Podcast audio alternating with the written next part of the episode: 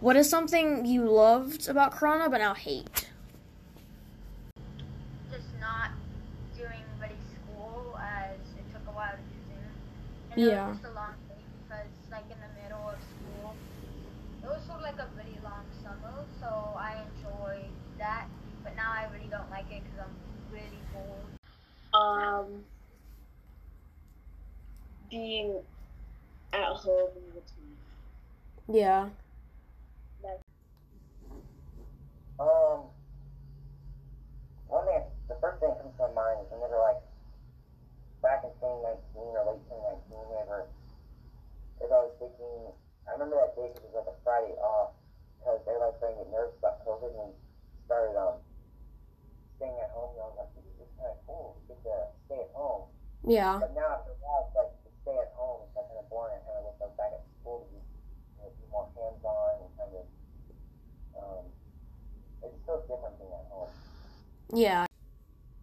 Uh, well, I didn't. I didn't like going to school because I had to like get ready and stuff and wake up early. Yeah. I kind of miss my friends, but you know, it's still a nice break. But sometimes I get too many assignments. Yeah. Um, well, uh, f- at first I was like, oh, this is actually like when it when, like some when like Friday or March I was like, oh, this isn't that bad. It's like basically like an extra like week of spring break, but it just Yeah. kept extending and extending Yeah. and extending. That's kind of how I felt as well. Yeah. Uh, what do you think the world would be like after COVID? I think everyone is going to remember the COVID 19 because it's a lot different Yes. than everything else. Everything else, it's dangerous, we know about it, but it's not like quarantine. You have to Yeah. quarantine people, masks, stuff like that. They're just a bunch of different things. Yeah. I think it would be uh, probably a lot of people would be happy, and it would hopefully go back to normal. Yeah, hopefully.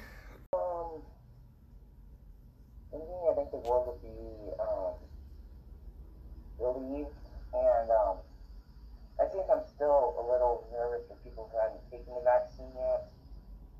Um, Yeah. since um, there's no like um, kids COVID vaccine yet, or if they're younger or minors, I should say.